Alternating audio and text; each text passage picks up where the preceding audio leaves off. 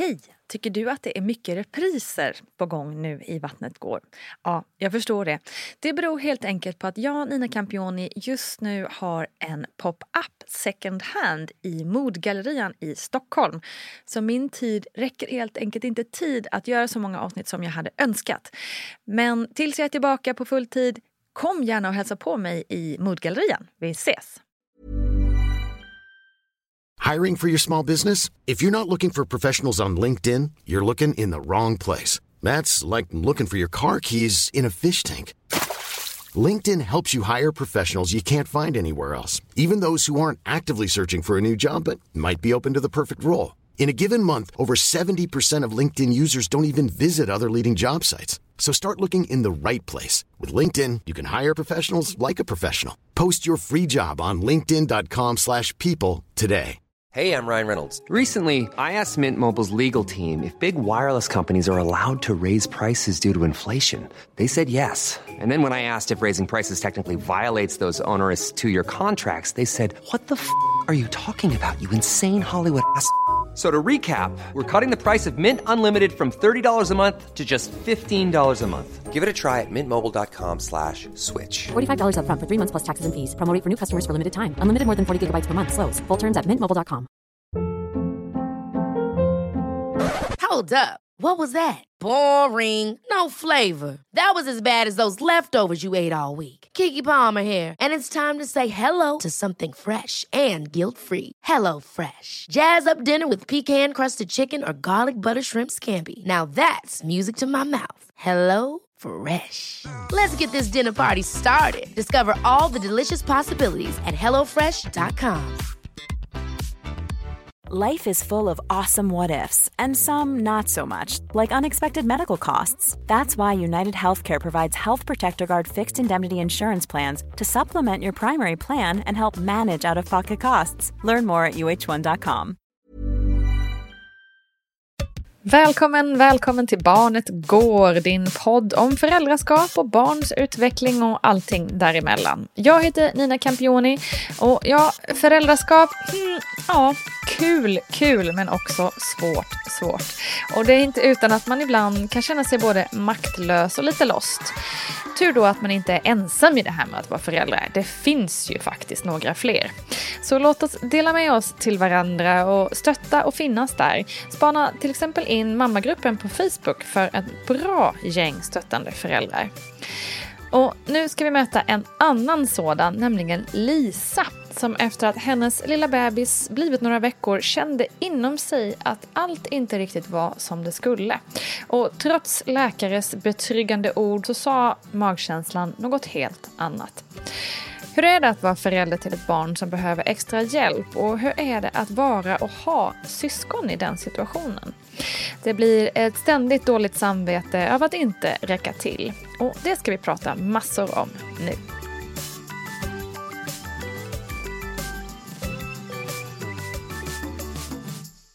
Eh, Okej Lisa, du hade en, eh, en hyfsat eh, normal, ska vi säga, inom situationstecken, gillar inte egentligen ordet normal, men eh, bara för att förklara läget, eh, graviditet. Ehm, och inga direkta misstankar fanns då på att eh, någonting skulle vara out of the ordinary eh, med ert barn. Hur, hur gick dina tankar själv när du var gravid? Liksom, hade du några tankar på än det ena än det andra när det gäller just liksom fosterdiagnostik och ultraljud och sådana där grejer? Eh, ja, jag hade jättemånga tankar och jag, det här var ju mitt andra, min andra graviditet. Mm. Eh, jag hade ett barn sedan tidigare som var eh, ju liten. Ehm, han var strax över ett och ett halvt år när vår dotter föddes. Ehm, mm. Så, så det var ju han tog mycket fokus under min graviditet men eh, jag hade också ganska mycket, vad ska man kalla det, katastroftankar. Eh, okay. Och det hade jag även under min första graviditet. Men jag tycker att för den fysiska biten på båda mina graviditeter har varit eh, relativt, eh, ja, inom citationstecken också där som du sa, enkel. Eh, mm. Och eh, men däremot den mentala biten har jag tyckt var eh, betydligt tuffare. Eh, mycket mm. tankar på, på eh, vad som, som skulle kunna hända. och framför allt under graviditeten att det kan hända saker med barnet mm. i magen. Mm. Men även att det finns inga garantier för, för vad som kan hända efter att barnet är fött. Så jag, jag har då tampats ganska mycket med, med sådana mm. tankar. Um, men har ju aldrig fått dem bekräftade. Jag har ju, um, alltså det har ju, jag har ju gått på några extra ultraljud och så för att jag har varit orolig. Okay. Men allting mm. har ju sett bra ut under tiden. Så det har inte funnits någon direkt liksom, um, anledning till min, min oro. så. Just det. Men jag tror inte att jag, jag väl inte ensam om det, att gå och tänka på, eh, på sådana saker. Nej, så det är väl verkligen. inget unikt i sig. Ehm, men det, jag tycker det tog väldigt mycket plats under båda mina mm. graviditeter, den oron. Och sen så, eh, så har man, liksom, man bygger upp de här milstolparna för sig själv på något vis. Att bara barnet kommer så kommer allting kännas bra och då har jag någonstans kontroll över situationen och eh, sådär. Men, men så är ju inte alltid riktigt fallet heller i verkligheten. Eh, oron eh, finns ju i allra högsta grad kvar efter att barnet den, den, den minskar inte direkt, nej. nej, precis. Eh, snarare tvärtom kanske. Exakt. Mm.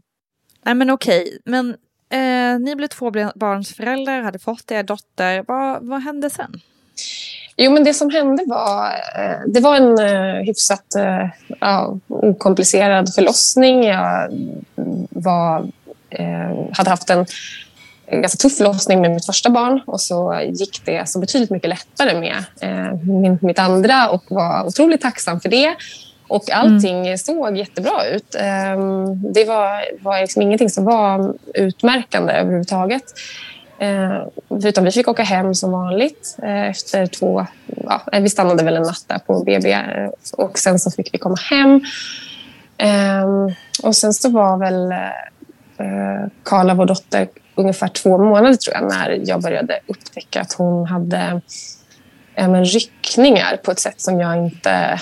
Eh, som jag blev lite fundersam kring vad det kunde vara. Okej. Okay. Uh. Eh, och eh, då... I ett första steg så pratade jag med, med BVC då om det. Och eh, hon, eh, vår BVC-sköterska konstaterade väl att det var inget konstigt utan det var förmodligen såna liksom, spädbarnsryckningar som små barn Just det, har. som alla barn som, har. Liksom. Ja, och det känner man ju mm. igen om man har haft ett litet barn. Att de, de har ju mm. de här reflexerna och det eh, armar och ben far ut lite så. Eh, till synes okontrollerat. Men, men jag hade ju också haft en bebis ganska nyligen innan eh, och hade också många i min närhet som var i samma stadie eller vad man ska säga. Och eh, jag tyckte att det här kändes annorlunda eh, mm. mot hur, hur jag upplevde att det hade varit tidigare med de här ryckningarna. Exakt, en mm. mamma vet ju också. ja. Alltså det där är ju lite så här, ingen shade på liksom BVC-personal men eh, jag kan ofta känna det att liksom en mamma har också ganska mycket intuition och känner sitt barn på ett helt annat sätt. Så det är värt att liksom faktiskt lyssna in och, och sådär. I, ja. I de allra flesta fall så finns ju en oro där som är ganska befogad skulle jag säga. Jag tror också verkligen det, det har varit jättedrivande i den här processen kring vår dotter att eh, lyssna till magkänslan. För det är inte så lätt ja. att göra det alla gånger. Eh, men just det här fallet har eh, det varit eh, egentligen hela anledningen till att vi faktiskt fick en, en eh, mm. diagnos på henne. Eh, för att hon, hon hade de här ryckningarna och, och, och vi fick träffa en neurolog också när hon var ungefär ett halvår. Okej, okay, för jag fråga, hur, vad krävdes för att ni skulle komma så långt då? Liksom, om, om det nu i första läge inte riktigt lyssnades på så att säga. Nej, det var också... Jag, jag låg på på BVC och eh, okay. Sa... För, för det var ju svårt också att framkalla det här. Det var ingenting som, som de kunde se, utan det, det kom ju... Eh, det, ja, det, de ryckningarna kom inte på beställning, så att säga. Alltså, då, då mm. fick vi... Eh, till slut på BVCs inrådan, alltså gå till en neurolog, barnneurolog. Och då hade jag också filmat eh, vår dotter eh, när hon hade de här ryckningarna. Och, mm. Och hon eh, fick träffa neurologen och de tittade på filmen och så sa hon, bekräftade hon vad BVC-sköterskan mm, hade sagt att det är eh, det är vanliga spädbarnsryckningar. Så att du Mhm. behöver inte vara orolig. Ehm, och eh, för, för de här, det som hade hänt var att de här ryckningarna kom i, i stort sett alltid i samband med att hon skulle somna. Eh, och hon, det är väldigt vanligt att de rycker till när de ska somna. Och sådär. Och det, det, allt det här stämmer ju. Så att jag, jag, jag, ingen skugga liksom eh, ska falla på, på dem heller. För i det här läget, i, i, det skedet så, så eh, tror jag att det är väldigt svårt att, eh, att se att det var på något annat sätt. Men, men sen så um, dröjde det bara några veckor så började hon få um, betydligt större eh, ja, kramper och eh, även när hon var inte sovande eller på väg att so- somna utan även när hon var vaken. Och Okej. eh, då eh, blev jag eh, f- ja, eh, orolig igen, eller fortsatt. Eller vad man ska säga. Och, och så tog jag kontakt med den här neurologen eh, en gång till och sa att jag tycker att det känns... Eh, jag skulle vilja kolla igen, för att det känns inte så särskilt bra. Nu har hon börjat få ryckningar på, eh, på dagtid och sådär. Mm. Och då, och jag kom ju till en telefonsvarare, men så hade hon hör, lyssnat på det här, hört av sig till mig också. Jag och sp- spelat in på min telefonsvarare då och sa att eh, jag tror att jag hade fel. Eh, du behöver åka med henne till eh, akuten eh, så fort du Oj. kan. Oj. Eh, Och då stod jag i en lekpark med min son som jag hade hämtat från förskolan och eh, försökte liksom hålla, ja, eh, hålla, upprätthålla någon form av... Eh, ja, var lite, för, försökte vara lite stabil inför honom. Eh, och fick, försökte få tag på det barnets pappa så att han kunde komma hem, eh, ta vår son och så fick jag åka till eh, akuten då med Karla. Eh, och då så eh, gjorde de en, eh, en ganska grundlig undersökning på henne eh, och eh, eh, konstaterade att eh, det var läge att göra en, eh, en EEG-undersökning. Eh, alltså Okej. för att mäta hennes hjärnaktivitet. Då. Mm. Eh, och egentligen i det läget tror jag för att utesluta att det var eh, epilepsi. Ehm, så vi fick, göra, vi fick en remiss till det och så fick vi göra den här eh, EEGn. Och, eh, så, och då var hon sju månader. Eh, Mm. Shit, hur mår du i allt det där? Liksom? Ehm, nej men jag, I det här läget så, så var jag jätte... Liksom, eh, både väldigt fokuserad på att få svar. Eh, Det var eh, men på något vis ett så konstant liksom, adrenalinpåslag. på något vis. Att, eh, eh, jag vill bara veta vad det är. Liksom. Eh, och, eh, och samtidigt, apropå de här katastroftankarna jag hade under graviditeten, så de eh, blev ju inte li- liksom lindrigare, utan jag eh, katastrofgooglade jättemycket. Och, eh, eh, hon hade ju alla möjliga olika sjukdomar och syndrom under den här perioden förstås. Eh, så det var, nej men det var, det var, det var hemskt och eh, det är svårt att liksom... Eh, ja, svårt att... Eh, också när man har ett annat litet barn som behöver en så mycket och eh, så är man jätteorolig för, för ett av barnen så är det, det är svårt att uppbåda energi och det är svårt att liksom vara närvarande, tycker jag. Eh, Såklart. Mm. Eh, Men vi fick i alla fall då svar på det här EG-testet att det var eh, epilepsi då som Karla hade. Eller har. Mm. Och eh, när det beskedet lämnades så, eh, så var det av en läkare och en, en sköterska på neurologen. Och de, eh, för mig brast det ju förstås. Alltså, Ja, det var ändå, jag hade ändå letat efter någon typ av förklaring, men det var ändå... Eh, någonstans så finns det ju ändå ett, liksom, i bakhuvudet ett, en, eh, en känsla av hopp. Liksom, eh, att det Ja. ska... Eh, inte, inte, inte vara någonting inom citationstecken så, men, men eh, det var det. Och de, de, men då, de var väldigt positiva och sa att det eh, vad det verkar, eh, vad det ser ut som, är en lindrig variant av barnepilepsi som, Okej. Eh, med största sannolikhet kommer växa bort. Och att det är en jättevanlig mm, okay. diagnos. Bland barn i Sverige så är det tydligen då den tredje vanligaste diagnosen mm. i svenska skolor. Så att det, det, det finns alltså alla möjligheter för henne att eh, att ha ett välfungerande liv och liksom, med rätt mediciner och så. och mm. för, förmodligen kommer det växa bort. så det, det var ändå någonstans ett trygg, tryggande besked under omständigheterna. Mm. Och, och sen så fick ju hon då en Eh, ett team på SÖS, som, eh, Södersjukhuset i Stockholm, som var eh, ett neuroteam då, som var, var tillägnat henne och som vi fick träffa regelbundet. Där de gjorde uppföljningar på hennes utveckling och vi har även gjort en magnetröntgenundersökning på hennes, på hennes hjärna som inte visade några... Okay.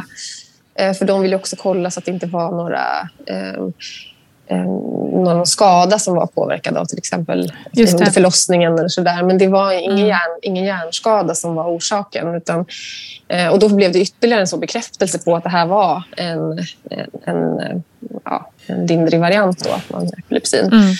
Mm. Så eh, det, det var eh, där och då så var allting på papper väldigt liksom, positivt, eller vad man ska säga. Mm. Eh, och hennes läkare var jätteoptimistisk eh, och alla besöken där var liksom... Eh, känslan efteråt var eh, både så att det här kommer bli bra, men också en känsla mm. av att så här, det är någonting som inte stämmer. Eh, apropå mm. det där du sa med magkänslan, så, ah. så jag hade jättesvårt att och, helt och hållet lita på det de sa. Och så också när man liksom hela tiden tror någonting annat än det de, eh, då läkarna säger. Och så, så, så är det inte heller helt och hållet. Det är inte odelat positivt att gå ifrån ett möte eh, och känna en känsla av att inte kanske ha fått sin, sin, sin oro bekräftad. Eller vad man ska säga. Nej, så här, jag tänker också, är jag, helt, är jag helt galen som går och tänker på det mm. här? Mm. Så, Eh, jag borde bara släppa det. Det är de som är proffsen. Jag borde bara lyssna Exakt. på. Det är det där som är så fruktansvärt svårt. Att det är de som har kunskapen och proffsen mm. och har liksom maktpositionen. Och, och vi då, liksom vanliga personer, ja. har liksom sin magkänsla. Och, och då är det så jävla svårt att bara säga, även fast man ju oftast har lärt sig att magkänslan ju trumfar ganska mycket mm. så är det ändå inte vetenskapligt. Det är ju så här sjukt svårt att komma med den. Men jag har en känsla av att. bara, ja men okej, då så. alltså det är ju Nej, jag vet. Det är jättesvårt. Mm. Så det är ju så otroligt tuff position som förälder i det läget. Det, är, det är verkligen, man känner sig stundtals maktlös ju. Eh, och jag mm. vet, jag ringde, du vet, så, så fort jag hörde. Man har ju också de tentaklerna ute på något vis. Att hela tiden eh, tog in så mycket liksom, av andras föräldrars berättelser om sina barn. Och, mm. Eh, mm. och eh, så fort jag hörde om eh, någon, någon diagnos eller syndrom så, så var jag helt övertygad om att det var det som vår dotter hade. Och vet, ringde liksom SÖS eh, mm. stup i kvarten och så. Nu vet nu är det hon är. igen. exakt. um, men till slut så, så fick jag på något vis... Um, uh, men jag kände att jag måste göra någonting ändå åt den här känslan av att jag inte riktigt uh, ja, tror på det som sägs. Och då uh, kontaktade jag en en eh, professor i barnepilepsi som jobbar på Karolinska. Som, alltså våran, våran eh, Karlas neurolog som, som har följt henne eh, har ju, är ju en allmän neurolog så att, mm. och superkompetent men har ingen direkt kunskap om just epilepsi. Och epilepsi är ju ett så otroligt okay, brett mm. liksom, område och det, det, är väldigt snårigt. Så att, då eh, fick jag kontakt med den här professorn på Karolinska som är eh, dedikerad liksom, barnepilepsi eh, och har forskat på det, just det området. Och, och han är superbokad och eh, till slut efter lite tjat eh, klämde in oss liksom på någon 20 minuters slott mellan två andra möten. Och så fick han träffa oss eh, så, eh, och Karla och eh, sa ganska direkt efter att han hade läst hennes journal och träffade oss och henne och sa att jag tror att eh, ni har rätt. Jag, jag tror att eh, hennes epilepsi eh, inte är huvuddiagnos utan en, en, eh, ett symptom på någonting annat, något mm. bakomliggande. Eh, wow. Så att... Hur var den eh, känslan att få, att få det bekräftat? Ja, alltså, vet du, det var jätteskönt. Alltså, det var mm. så otroligt lättande att någon eh, bara såg det vi såg, eller jag såg framför allt. Eh, och eh, lyssnade på det och hade också tagit mm. sig tid till att sätta sig in i, i... Och inte bara sa det vi ville höra hela tiden. För Just det. Eh, det var ju, tyckte jag, lite problematiskt att eh, alla i sjukvården sa att det kommer bli bra, det kommer bli bra, hon kommer komma ikapp. Och så här, men vad betyder bra? Liksom? Och vad, mm. Är att, att komma mm. ikapp, alltså att vara, vara utvecklingsmässigt i samma eh, liksom, nivå som sina jämnåriga. Är det hela eh, liksom, målet med, med det här? Eller vad säga, med, du vet, mm. börjar fundera så mycket mm. kring det. Är det det som är att det är bra? Eh, Exakt, eh, jag vill ju att det ska bli så bra som möjligt för våran, vårt barn oavsett liksom, eh, var hon befinner sig mm. i, på något typ av utvecklingsstege. Eh, eller vad man ska säga. Mm. Att det blir så, mm. så, så snävt sätt att se på ett, ett liksom, Mm, ja, ett bra liv eller vad man ska säga. Mm. Ja, men och han eh, då sa att det, vi behöver göra en genundersökning eh, för att ta reda på vad det kan vara.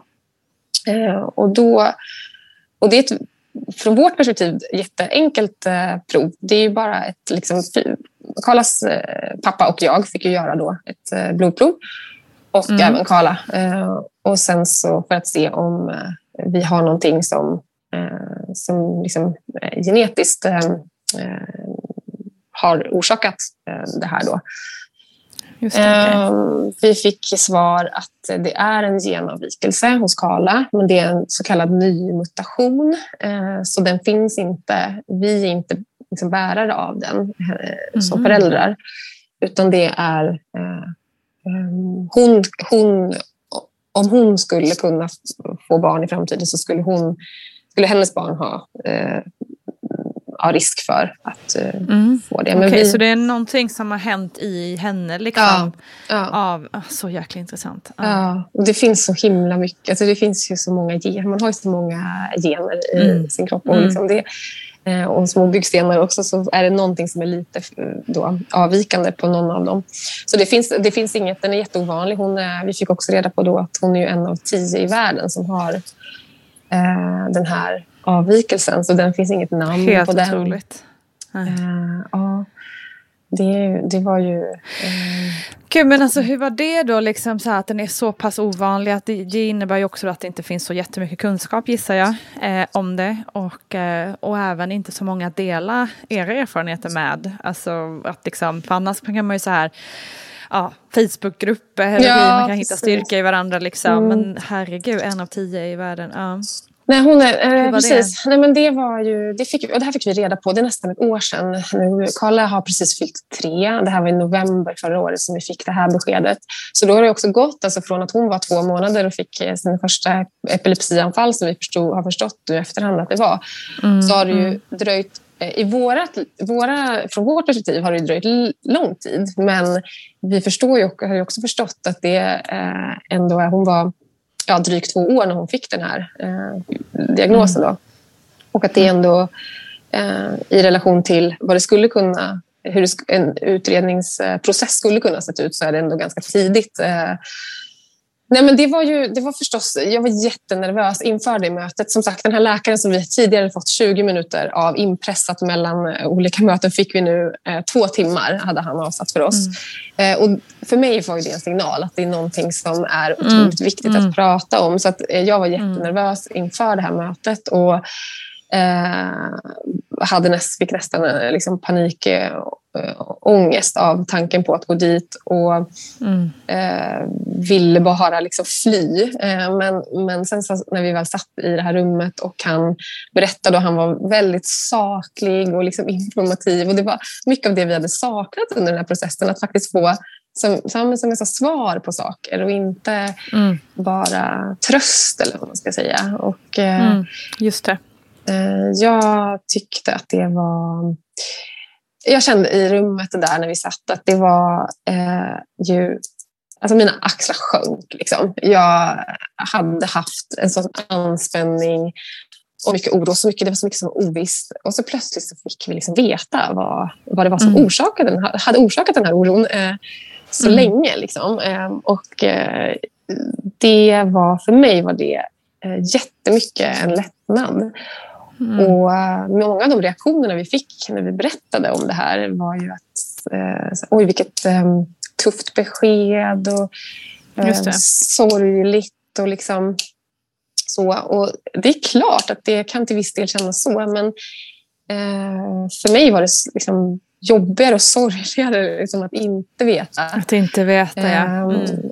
Nej. Och det var min mamma sa, det tyckte du var fint, då sa hon så här att hon bara, ja, Nej, och det är ju som att i och med att Karla har ju haft de här, så länge hon har haft en genuppsättning så har hon ju haft den här avvikelsen. Så det är ingenting, bara för att mm. vi får reda på det plötsligt så är inte det någonting som det är ingenting som har hänt. Det är ingen olycka eller en, en sjukdom som plötsligt drabbar henne bara för att vi får reda på det. Utan hon har ju haft den eh, hela mm. tiden. Så då sa, vet, min mamma sa att ja, det är som att Karla har gått och burit på en liten hemlighet mm. Mm. hela tiden. Och sen nu så har ni fått ta del av den.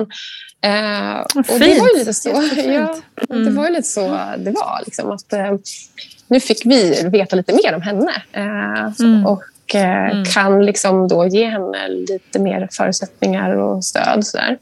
Mm. Eh, det är också det som är skönt med att få en, en, diagnos, att man faktiskt får ta del av ett alltså, verkligen. Stöd, eh, en stödinstans som man absolut inte har tillgång till innan. Ja. Ehm, så det var, det och var bara det som du säger, att man vet vad någonting är, att det, då kan man ju plötsligt göra upp liksom lite plan för för saker och ting. Och hur ska vi tackla det här och si och så liksom. Och hur, hur ja. hanterar vi det? Det, ja. Sån, det måste vara en sån skillnad. Ja. Och det är precis som du säger, det finns inte så mycket. Det finns inte, det är en ny diagnos också. Förmodligen så kommer det finnas fler fall eh, efterhand. Men det första fallet mm. upptäcktes då 2015. Så det är ju oh, wow. eh, också nytt. Så därför vet man ju, ja, av den anledningen vet man inte heller så mycket. Eh, men så, och det känns ju, har ju känts lite jobbigt stundtals att inte, som du säger, ha eh, ja, kunna prata med några i liknande situation och så. Men, men samtidigt så mm. har, har och det kommer, det kommer kanske liksom jag ett, eller vi har ett större behov av framåt. Men just nu har det också känts så viktigt att bara få ja, låta henne lite visa oss vad, vad hon behöver utan att ha förväntningar på, eh, på vad den här diagnosen kommer innebära. Utan att vi försöker så bara se vad, vad, precis som man gör med, med vilket barn som helst. Hon är fortfarande så liten mm. så att det är mycket som handlar om att bara eh, möta hennes behov här och nu eh, mm. och mm. lära känna dem och henne och så utan att bli färgad av eh, Exakt, förväntningar på vad hon ska kunna mm. eller vart hon ska vara någonstans i någon form av ja, utveckling och sådär. Så att, eh, mm. Ja, det... Vad finns det för eh, liksom, ytterligare, du nämnde ju, vi har pratat om epilepsi och kramper och så, är det andra liksom, så tydliga symptom på det? Ja, hon har en eh, intellektuell och en motorisk funktionsnedsättning mm. eh, till följd av den här genomvikelsen. Då. Eh, och, eh, så att hon är utvecklingsförsenad. Eh, hon går i en vanlig förskola och eh, det funkar jättebra. Ehm, men hon, hon eh, är liksom senare i tal och, har så lite svårt att... Hon går, men hon har liksom svårt att... Hon kan inte springa och hoppa och lite sådana saker är svårt mm. okay. för henne. Så att hon...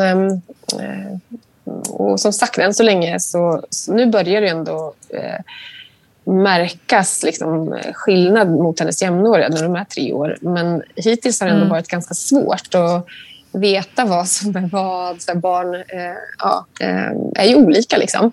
Men, eh, men det, det kommer väl bli tydligare liksom, när hon blir lite äldre.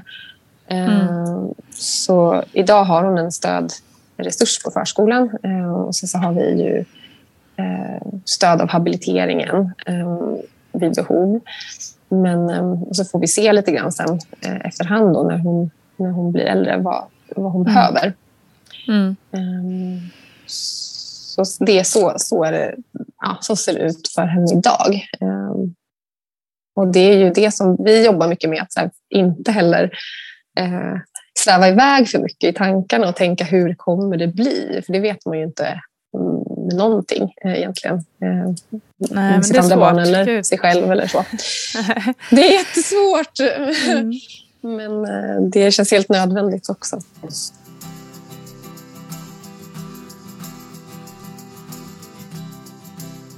Hur tycker du att hon verkar liksom må i... Eh, alltså man fattar ju att det inte... Man som förälder försöker man att inte jämföra för mycket och, och så vidare och så vidare och liksom drömma som du är inne på eller tänka framåt. Men hur verkar hon... Ja, hur tycker du att hon verkar må i, liksom, tänker nu då när, när det kanske börjar bli lite tydligt att hon inte hinner med kroppsligt eller sådär? Mm. Um jag tycker det, det, är väldigt svårt att veta. Hon, hon har haft mm. perioder där hon har varit väldigt frustrerad och, och arg och liksom sådär. Men, mm. eh, och eh, det är svårt att veta om det beror på eh, diagnosen och att hon, eh, hon eh, liksom på, något, på något sätt förstår att hon eh, inte hänger med. Eller om det är en fas som för andra barn. Som alla barn går igenom. Eh, precis, ja. så det mm. är liksom svårt att veta. Plus att hon tar ju ganska starka mediciner dagligen för sin epilepsi. Mm. Eh, den blir hon ju också påverkad av. Eh, och hon har ju fortfarande... Hon har ju, alltså hennes, eh, den här genavvikelsen och funktionsnedsättningen som hon har den i sig gör ju inte att hon mår dåligt, eller vad man ska säga. Utan epilepsin är det som, som på något vis eh, är påfrestande för henne. Så hon har mm. haft... Just nu har hon en bra period, men hon har ju stunder där hon har ja, men I dåliga perioder har hon ju haft anfall så var 50 minut. Och då är det mm. klart att det... Eh, då mår hon ju inte bra alls eh, och eh, har det jättekämpigt. Eh, så att det är ju...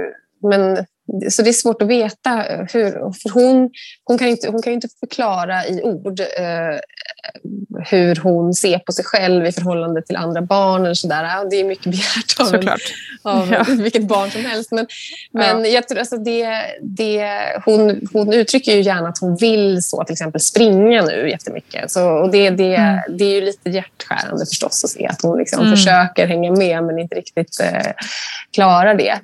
Men sen så är det klart att så här, det börjar komma frågor. Alltså hon har en storebror som, som ställer frågor om eh, varför han kan göra, liksom, leka med vissa treåringar och han kan inte... Mm, den, de tre, den treåringen kan ju eh, göra det här och det kan inte hon. Mm. Och sådär. Mm. Men samtidigt så är ju barn ganska så tacksamma att ha och göra med. På, de accepterar ju kanske eh, ja, olikheter snabbare än vad eh, många andra gör kanske. Absolut, också. absolut.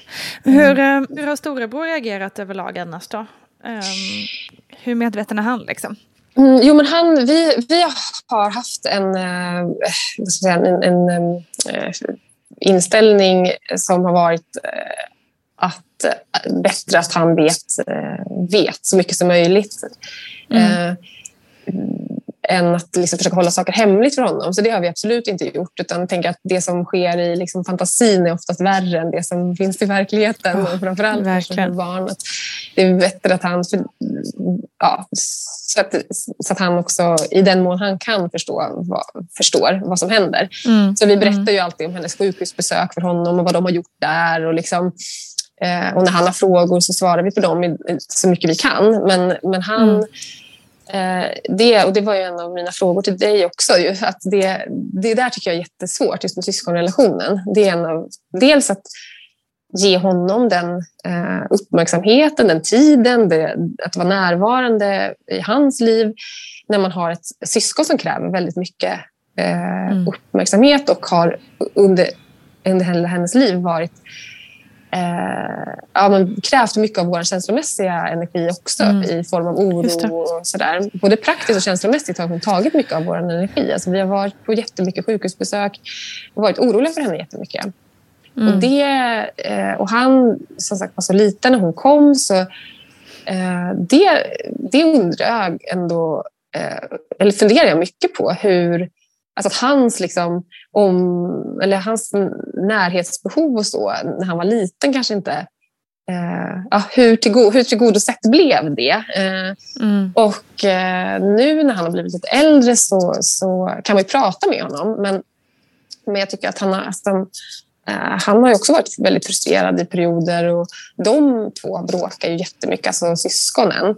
Eh, mm och har aldrig egentligen varit särskilt goda vänner. Utan det finns en stor, stor liksom konkurrenskänsla kring dem. Eh, och, eh, och som, som jag då, eh, eh utan att veta vad som är sant, men ändå eh, tänker beror på mycket på, att, på den uppmärksamheten som, som eh, ja, tiden som ja. har lagts på, på lilla syster.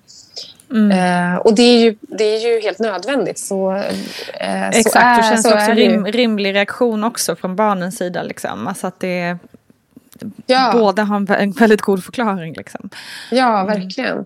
Men det, är, det, det, det är ju ändå, det, det, finns massa saker att läsa på och så om, om, om barn som, som har behov av stöd och så. Men tycker att det är lite svårt att veta hur man ska bemöta syskonet i det här. Och mm, mm. att det, det är också någonting som, eh, som är viktigt att eh, eh, alltså han är också en del i hela den här processen och i, i vår familj. Och, eh, han är ju ändå den som kommer ha den längsta relationen med henne, eh, om man mm, ser det så i ett mm, längre mm, perspektiv. Och, Mm. Hur främjar man en god syskonrelation?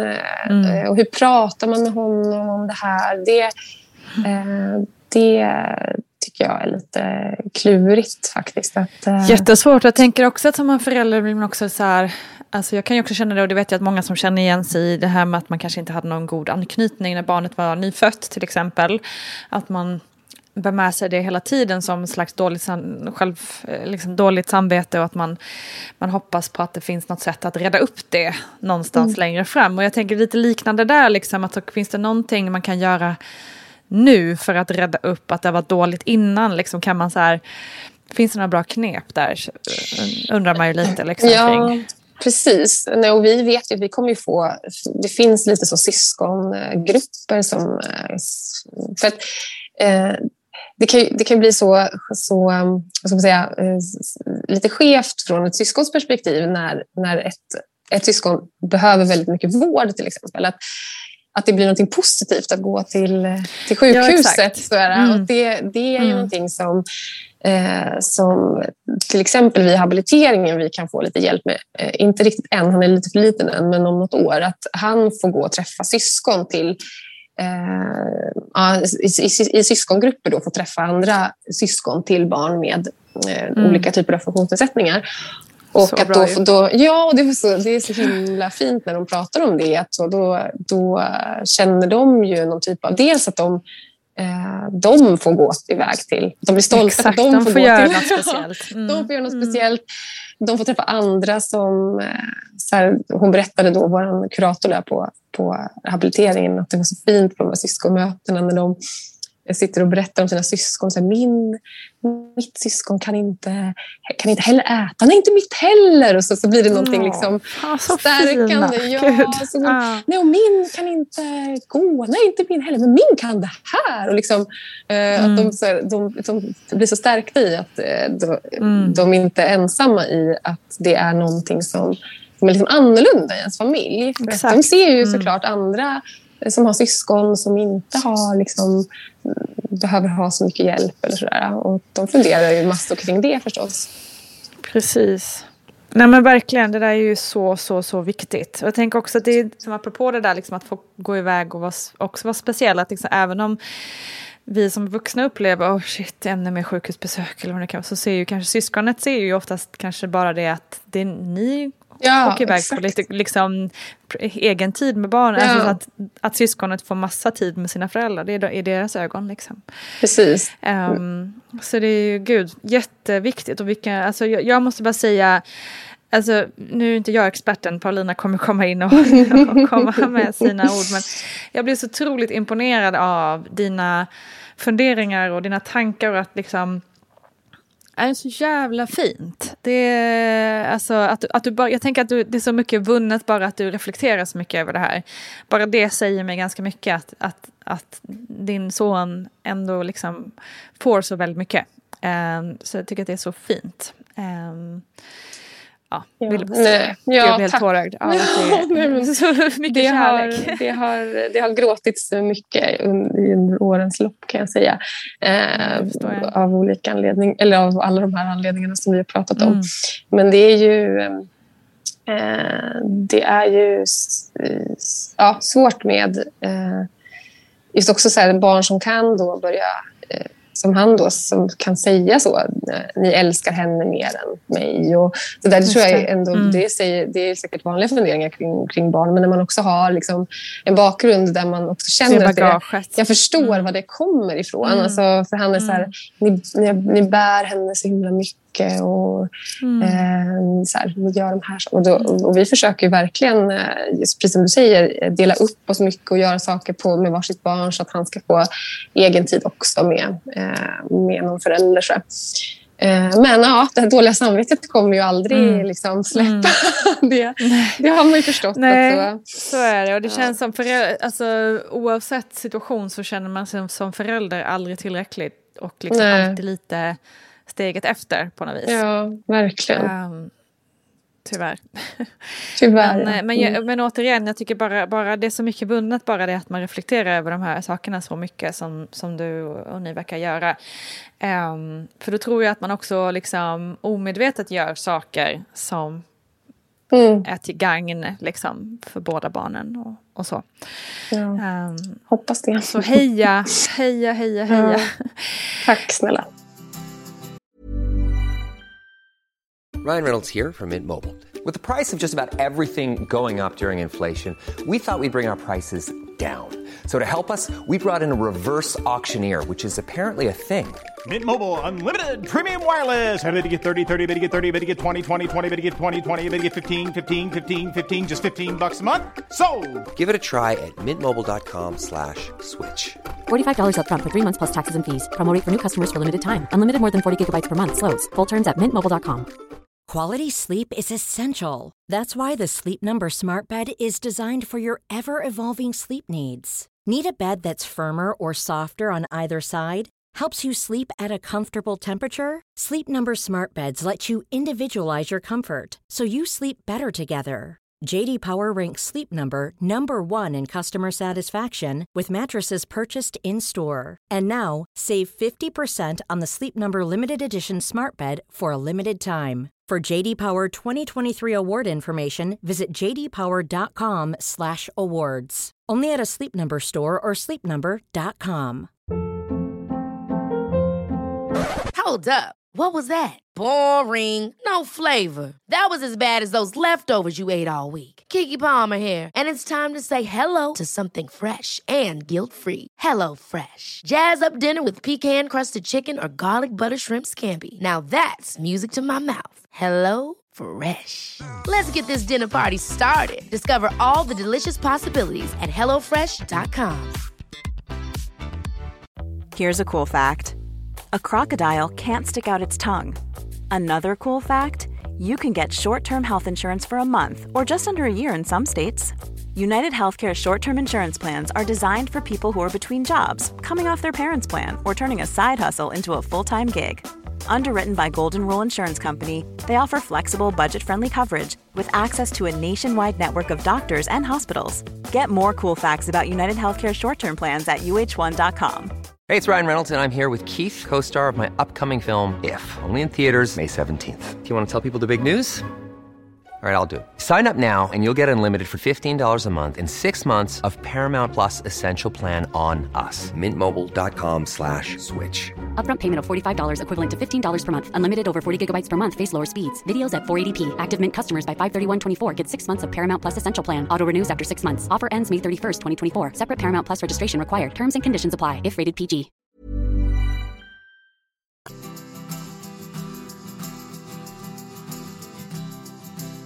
Du, eh, vi ska ju naturligtvis ställa massa intressanta frågor till Paulina här efteråt. Men hur, Mm. hur ser du nu liksom på framtiden? Vad, är- vad är nästa...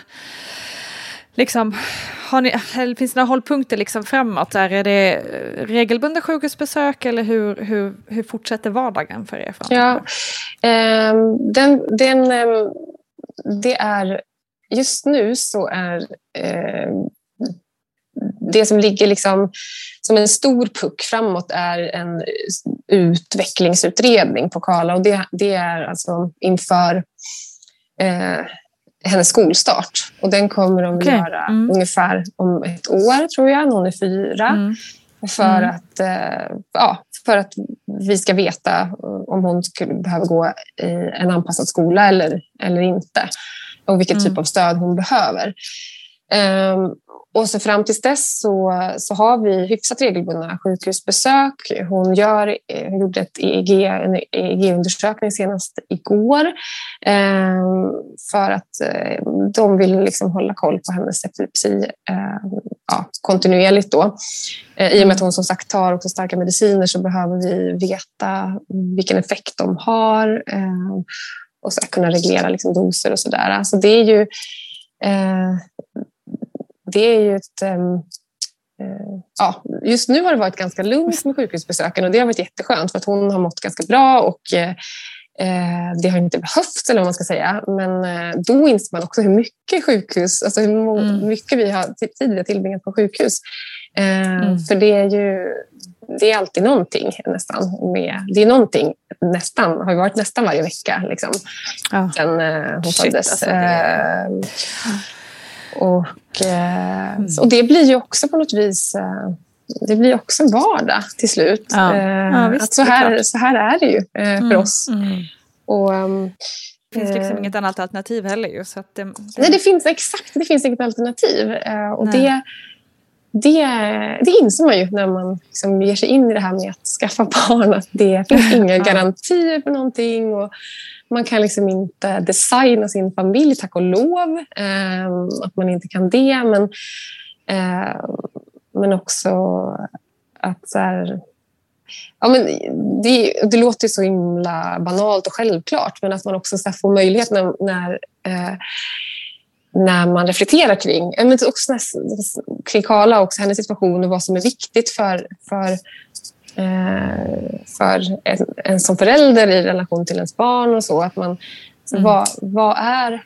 Eh, ja, men apropå det vi började prata om lite grann, vad är ett bra liv? Liksom? Är det Exakt. Mm. att eh, eh, kunna liksom springa och gå? Är det att kunna prata? Är det att kunna gå i skolan? Är det, att kunna liksom...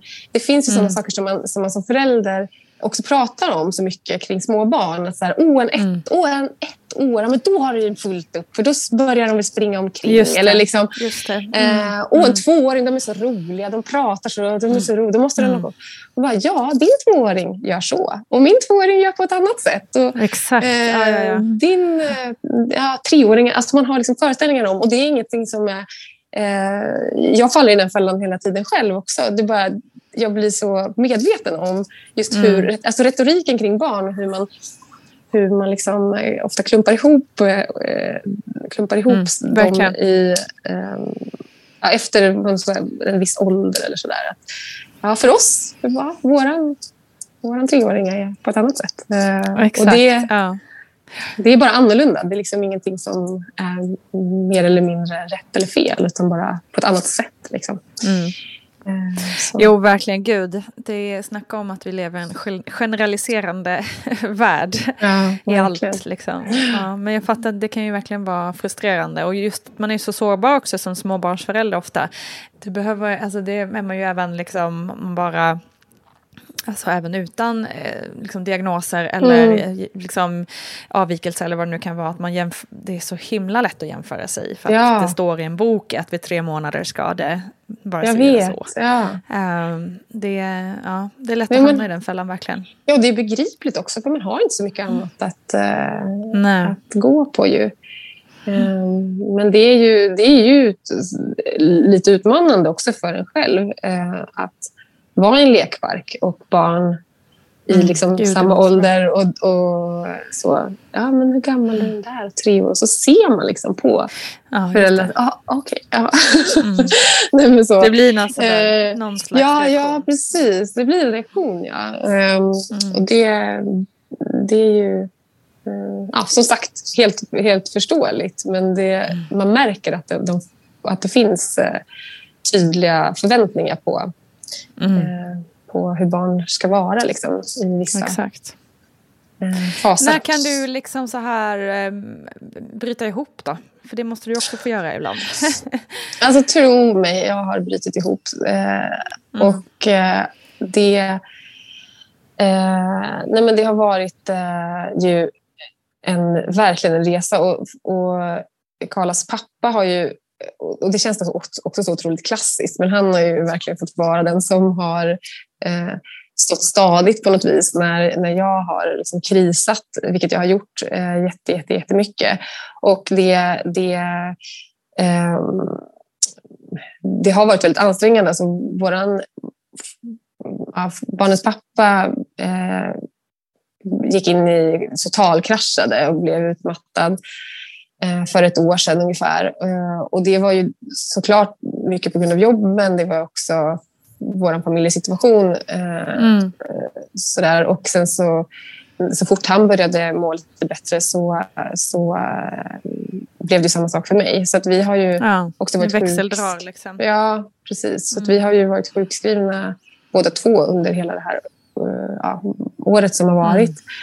Eh, för att det också på något vis har varit så, eh, ja, som jag sa också lite förut, att man har liksom haft mycket adrenalin och jobbat för att få svar. Och sen så när, när det landar lite så finns det utrymme för, för andra saker att ta plats. Och då, då har liksom, ja, systemet totalt kollapsat. Eh, kan säga. Mm. Så att, Det är ju verkligen inte konstigt. Nej, eh, så det har varit, eh, det har varit jobbigt. Eh, Men sen så, eh, så, så tror jag att... eh, Och nu så, så har det blivit... Just nu så har det varit ett läge där Karla har mått så pass bra så att känslan har varit att eh, stundtals att vi liksom, nu är vi som en, som en vanlig familj på något vis. Att så här, Mm, man har fått mm. liksom, lite, lite möjlighet att typ oroa sig för så här, att vi inte har liksom, eh, så snoddar på regnbyxorna och liksom, eh, sånt Mm. som har typ har känt så här, eh, det har inte funnits liksom, utrymme att ens eh, bli bekymrad över om barnen har eh, vantar eller liksom, så. Men nu Mm. så har det fått bli saker som vi typ bråkar om istället för andra. Och då, då kan, så kan jag känna så här, gud vad skönt. Nu känns det som att vi är en helt van- liksom. nu känns det som att vi är en vanlig familj som kan lägga energi på Ja. sådana saker. Eh, så det, det, eh, det har varit... Eh, ja, det går upp och ner, verkligen kan jag säga. Eh, och det, det är klart jag ser så här när vi är på sjukhuset igår och Karla då eh, blir uppkopplad med elektroder på hela sitt huvud eh, och eh, sladdar överallt. Att så här, då är det lätt att bli tillbaka slängd liksom i så här, Såklart. just det, men Mm. Det är så här också som vi har det och så kommer vi ha så här kommer det vara för oss nu. Eh, och, och att hon så här... Eh, ja, men, det är hjärtskärande att se sina barn i den miljön ju. Eh, Fruktansvärt. Mm. Um, men just, just nu känns, känns det ändå ganska så bra och positivt. Och, eh, det finns ju, jag, jag pratade med en eh, bekant som vars syster har ehm, en, någon typ av funktionsnedsättning som inte heller finns något namn för. Men, men de är ju eh, ja, i 35-årsåldern nu. Och, eh, Mm. han sa ju det att när, när deras föräldrar hade fått beskedet att deras dotter hade den här funktionsnedsättningen, då hade, det ju, då hade de ju bara pratat om eh, vad hon inte skulle kunna. Så hon kommer inte kunna göra det här, hon kommer inte kunna mm. göra det här. Mm. Eh, hon kommer aldrig kunna läsa, hon kommer aldrig kunna gå, hon kommer aldrig kunna... Alltså bara fokus på mm. det. Och det fanns mm. inga... Fanns ingen, då fanns det ingen liksom, eh, särskild eh, möjlighet till att gå i någon anpassad skola eller så heller. Så det, och då om jag jämför med bara nu, det är liksom drygt 30 år senare, det är inte så lång tid egentligen eh, i ett stort perspektiv, men hur vi har blivit bemötta, hur, Karla, hur man ser på Karla liksom i, i sjukvården. Alltså, mm. Så mycket fokus på vilka möjligheter hon har och med, med rätt typ av liksom stimulans så kan hon ju liksom mm. utvecklas mm. jättemycket och att det är fokus på det. Vi har inte pratat någonsin om vad hon inte kan utan bara vad liksom vad hon eh, kan göra och vad hon liksom är bra på. Och, så här, och på vilka mm. styrkor hon har. Och liksom, eh, mm. så så det är ju eh, något, ett, en otrolig liksom, mm. skifte i bemötande och, och syn på olikheter eller vad man ska säga. Och det känns ju fantastiskt att vi får vara med i den får liksom vara en del ja, av, av, den eran istället för eh, hur det skulle kunna varit. Mm. så jag tänker också att jag ser på det lite som så, en... en äh, ja, att vi får göra det så som, som sagt, som man gör med alla, alla, alla, de flesta föräldrar i alla fall, eh, tror jag, vill göra eh, sitt allra bästa för att barnen ska må så bra som möjligt och ha de förutsättningarna för ett någorlunda självständigt liv. Eh, mm.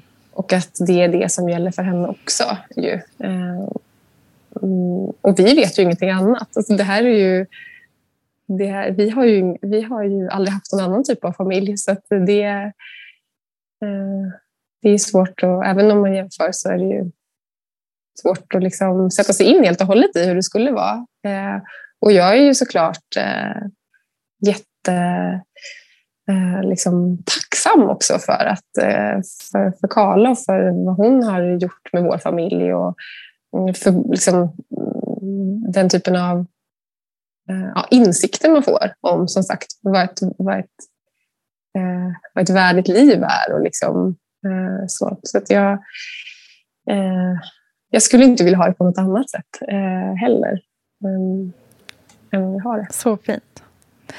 Det tycker jag var fantastiska ord att avsluta ja. Tack så hemskt mycket. Um, superintressant att höra din berättelse och hur ni har det. Verkligen. Mm, tack. Stort, stort tack Lisa. Så spännande och intressant att höra hur det har gått för er. Och ett väldigt viktigt ämne det här med syskonrelationer. Vi kollar vad vår expert Paulina Gunnardo säger om saken. Du, hur ska man liksom göra för att barnet, alltså storebror i det här fallet, barnet som är utan funktionsnedsättningar, att hen också ska känna sig sedd? Eh, vi pratar ju om att liksom hen ofta ser barnet åka iväg med, med mamma till sjukhuset och att det blir liksom som en härlig ensam egen tid med mamma i syskonets ögon så att säga. Eh, hur ska man göra där för att, för att det inte ska bli så orättvist så att säga? Just det. Eh, nu vet jag inte, jag tänker så här om barnet ger uttryck för det så tänker jag här att det barnet som ger uttryck för det ska få bekräftelse i vad, vad hen känner. Eh, och att det mm. är vanligt om man är ett syskon som har ett syskon som är sjukt eller har någon funktionsnedsättning. Någonting som gör att det krävs, det krävs väldigt mycket tid att påverka vardagen jättemycket. Mm. Att det är väldigt vanligt med dubbla känslor. Ja. Eh, så att man inte skäms över det. Eh, och så kan det ju vara som förälder också, att man tycker att liksom någonting är påfrestande och väldigt tufft. Eh, men man älskar sitt barn mm. och att det, det, det, är vanligt med dubbla och flera olika känslor. Mm. Vi har liksom sällan en och samma känsla i kroppen hela tiden utan det finns ofta, det är komplext, vi har flera känslor samtidigt. Liksom. Just det. Eh, och det här andra barnet då kanske eh, som blir hemma mer till exempel eh, kanske förstår rent så här, kognitivt tankemässigt eh, men, eh, men har känslorna liksom av att det känns orättvist eller eh, ja. Så att det tänker jag liksom är, är, det första och det viktigaste att barn får eh, kan få bekräftelse på Mm. om de uttrycker att de känner Mm. det här. Och att det är okej med liksom dubbla känslor. Och att det är bra om de uttrycker det. Det. Om det är så att de känner det. Mm. Så att de inte håller det inuti. För då tar det sig ofta uttryck på andra sätt. Liksom. Just det. Men sen tänker jag också så här att, att känna sig sedd handlar också om att, eh, ja, men att man som förälder dels visar i praktiken och ägnar tid. Att det finns kanske en stund där man, där man verkligen lyssnar. Vi pratade i något tidigare avsnitt om barnets, ja men i de här tipsen om barnets prattid. Mm. Att man kanske får en stund då, då barnet har sin prattid. Att få ägna en stund åt att verkligen, verkligen, verkligen lyssna på barnet. Just det. Det finns också något som kallas för barnstyrd tid. Eh, att det blir en sån där liten stund av verkligen kvalitet där barnet verkligen, verkligen kan känna sig sedd. Mm. Så det tror jag är så viktigt att, att ta vara på. Eh, men också få veta att, eh, ja men att prata om det, att, att syskon har olika behov. Och det gäller ju i väldigt många familjer i, i olika utsträckning naturligtvis. Det kan också vara att det kommer ett småsyskon som tar väldigt mycket tid också. Just det. Så jag tänker att lyssnar man på det här och man eh, inte sitter i samma situation men man kanske har småsyskon och ett äldre Mm. syskon som, som är avundsjuk eller svartsjuk eller så. så ehm, ja, Gäller samma regler så att säga. Ja, Eller samma råd. Mm. Men sen tänker jag också som, eh, som förälder att eh, man är bara människa. Mm. Verkligen. Ehm, och att eh, man räcker inte alltid till så mycket som man skulle vilja. Nej. Och det är väldigt lätt att vi liksom blir matade med att också det här, det är ju någonstans det fina liksom i, i det som kommuniceras ut nu. Att, så här, att många bär på känslan av att det inte räcker till för att vi har för höga krav och vi behöver höra att vi faktiskt räcker till. Mm.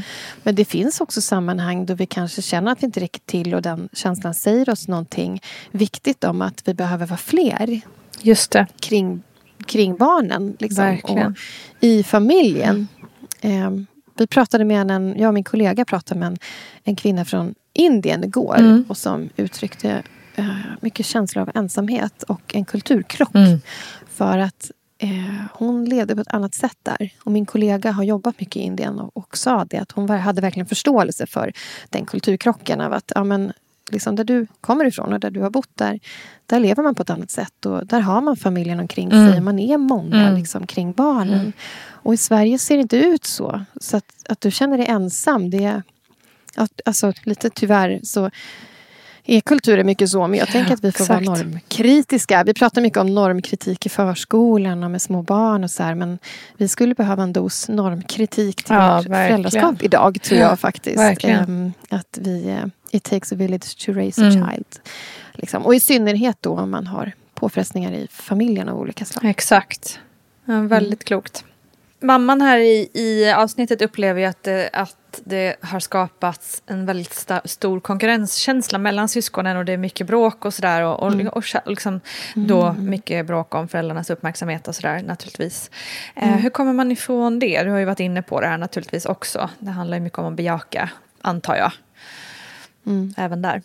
Ja, men alltså det, bråken kan ju också vara ett uttryck för, det är liksom en känsla som kanske eh, man kan prata om primära och sekundära känslor. Att, att vara arg eller börja bråka och slåss, det är ofta någonting som bottnar i en sekundär känsla. Eh, ilska kan ju vara ett uttryck för att du känner dig orättvist behandlad eller inte får dina behov tillgodosedda och sådär. Mm. Men ofta är det också en sekundär känsla och att den primära känslan är kanske att man är ledsen eller känner sig ensam eller någonting. Mm. Så att man också mitt i de där bråken har det perspektivet tror jag och synsättet på det som tar sig uttryck. Att där bakom ligger det nog någonting annat. Mm. För om vi bara möt, bemöter bråket och konflikterna då kanske vi inte kommer åt det, det där som ligger till grund för det. Men att jag tror att det är viktigt att möta barnet i vad är det som är bakom där. Mm. Eh, finns det ledsamhet? Finns det besvikelse? Finns det eh, ja, men att man, man också vill ha mer tid för föräldern och sådär. Just det. Och där tror jag återigen att, att det handlar om dels att ta hjälp utifrån när det behövs, om det behövs. Att vi är fler kring barn, att vi är fler kring det praktiska. Mm. Att vi behöver... Och det här är en uppgift liksom inte för den här specifika familjen. Jag har inte lyssnat på den här Nej. intervjun nu när jag svarar på frågorna. kan vara viktigt att säga. Mm. Utan jag tänker i stort för hela vårt samhälle. Att vi behöver eh, lite normkritik här kring och vara lite kritiska till vår egen kultur. Det. Ehm, att vi faktiskt måste liksom steppa upp och hjälpas åt mer. Eh, men också prata med barnen om att alla är lika värda och alla är lika älskade men att vi också har olika behov. Mm. Och så ser det ut i den lilla familjen, mellan syskon, mellan föräldrar, i samhället. Att vi har, det är samma sak på förskolan och i skolan och i samhället i stort. Att vi behöver liksom om man är i en period i livet där man behöver mer hjälp, då behöver man få mer hjälp också. Eh, Men sen är det ju som sagt viktigt att se till att det barnet som, som då inte har en funktionsnedsättning eller är sjuk eller vad det nu kan vara, att det verkligen får, får känna sig sedd och att man försöker möta barnet i det. Vad är det som gör att du känner dig sedd och när känner du dig sedd? Mm. Eh, det kanske inte barnet sätter ord på men man kan ju också märka det. Eh, och det kan ju till exempel vara det här med prattid. Hitta tiden då att ditt barn vill prata Mm. och ägna liksom en liten stund åt att verkligen, verkligen lyssna utan att det blir avbruten. Mm. Att kanske ha det här med barnstyrd tid. ehm, då, man, då man också går in och liksom ägnar verkligen tid åt det barnet vill göra. Mm. ehm, och ägnar all sin uppmärksamhet åt det och kanske får ta hjälp då med det andra för att man ska få den där luckan. Liksom. Just det. Eh, Men också konkurrenskänsla. Alltså, att få ner konkurrenskänslan kan ju också handla om att, att barnen får börja... Att barnen ser varandra. Eh, Får, får se det fina hos varandra och få se det fina i familjen i stort och hur vi hjälps åt och att alla är älskade och Mm. att vi älskar varandra i en familj. Och, ja, Just det. så. Så även hjälps åt liksom att syskonen ska se varandra mer på ett bättre sätt. Ja. Mm, just det.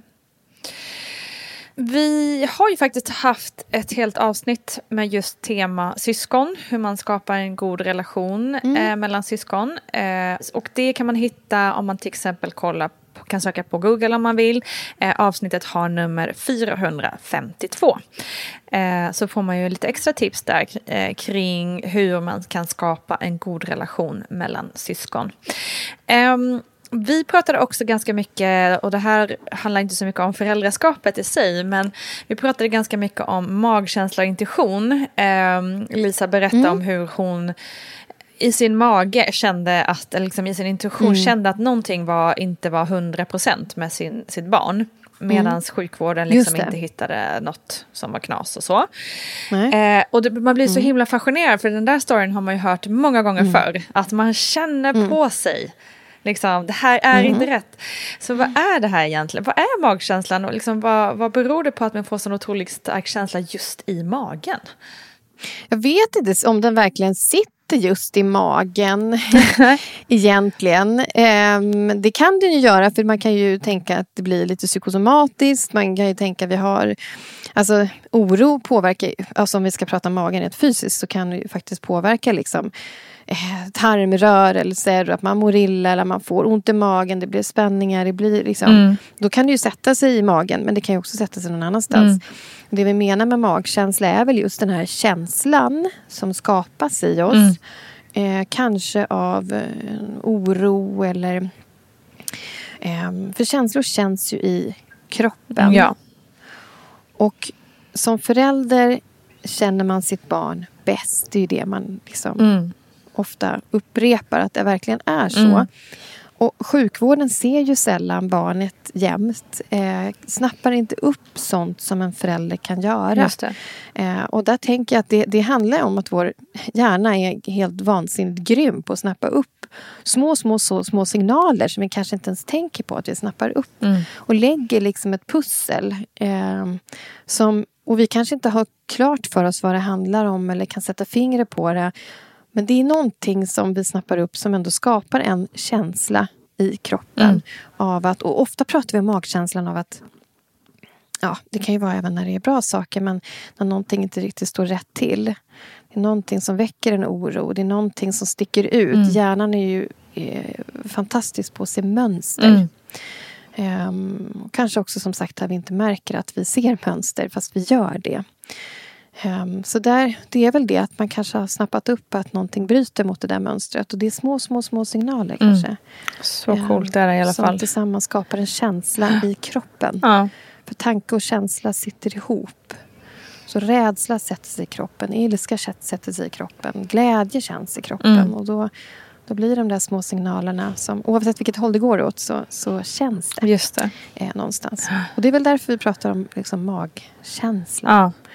Ja. Jag tycker det är väldigt, väldigt fascinerande. Um, att liksom, mm, visst är det. Ja, otroligt häftigt. Och sen ska man komma ihåg att här, man brukar säga lyssna på din magkänsla mm. men man ska också komma ihåg att magkänslan kan ju styra en fel om man har eh, erfarenheter med sig sedan tidigare som, som påverkar hjärnans sätt att jobba. Om vi kanske blir oroliga i onödan eller just det, onödan just det. eller så. Men, men överlag säger man ju ändå att lyssna på din magkänsla. Precis. Sen kan man ju undersöka den och det är då man kanske går till vården mm. med sitt barn. Mm. Och så. Mm. fortsätter magkänslan säga att det är något, men då fortsätter man. Just det, exakt. Mm. Ja, så himla spännande. Det kan man ju grotta ner sig mycket i. Men eh, ja, häftigt. Stort tack till dig Paulina och till dig kära lyssnare för att du varit med oss idag. Det var allt som vi hade att bjuda på i denna timme. Men vi hörs alldeles snart igen såklart. Kram! Vi ses väl på Instagram och Facebook och allt sånt hoppas jag. Hej hej!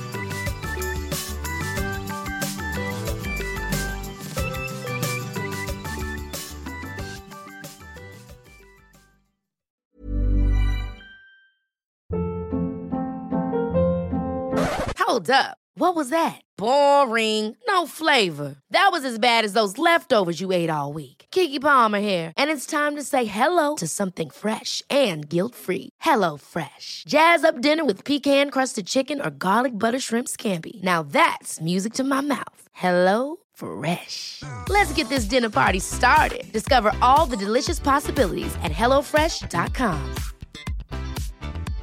Imagine the softest sheets you've ever felt. Now imagine them getting even softer over time. That's what you'll feel with Bowl and Branch's organic cotton sheets. In a recent customer survey, 96% replied that Bowl and Branch sheets get softer with every wash. Start getting your best night's sleep in these sheets that get softer and softer for years to come. Try their sheets with a 30-night guarantee. Plus, get 15% off your first order at bowlandbranch.com. Code BUTTERY. Exclusions apply. See site for details.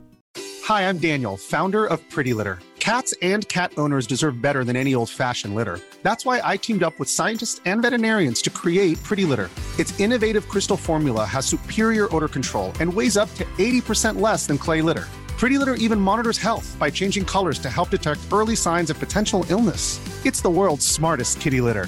Go to prettylitter.com and use code ACAST for 20% off your first order and a free cat toy. Terms and conditions apply. See site for details.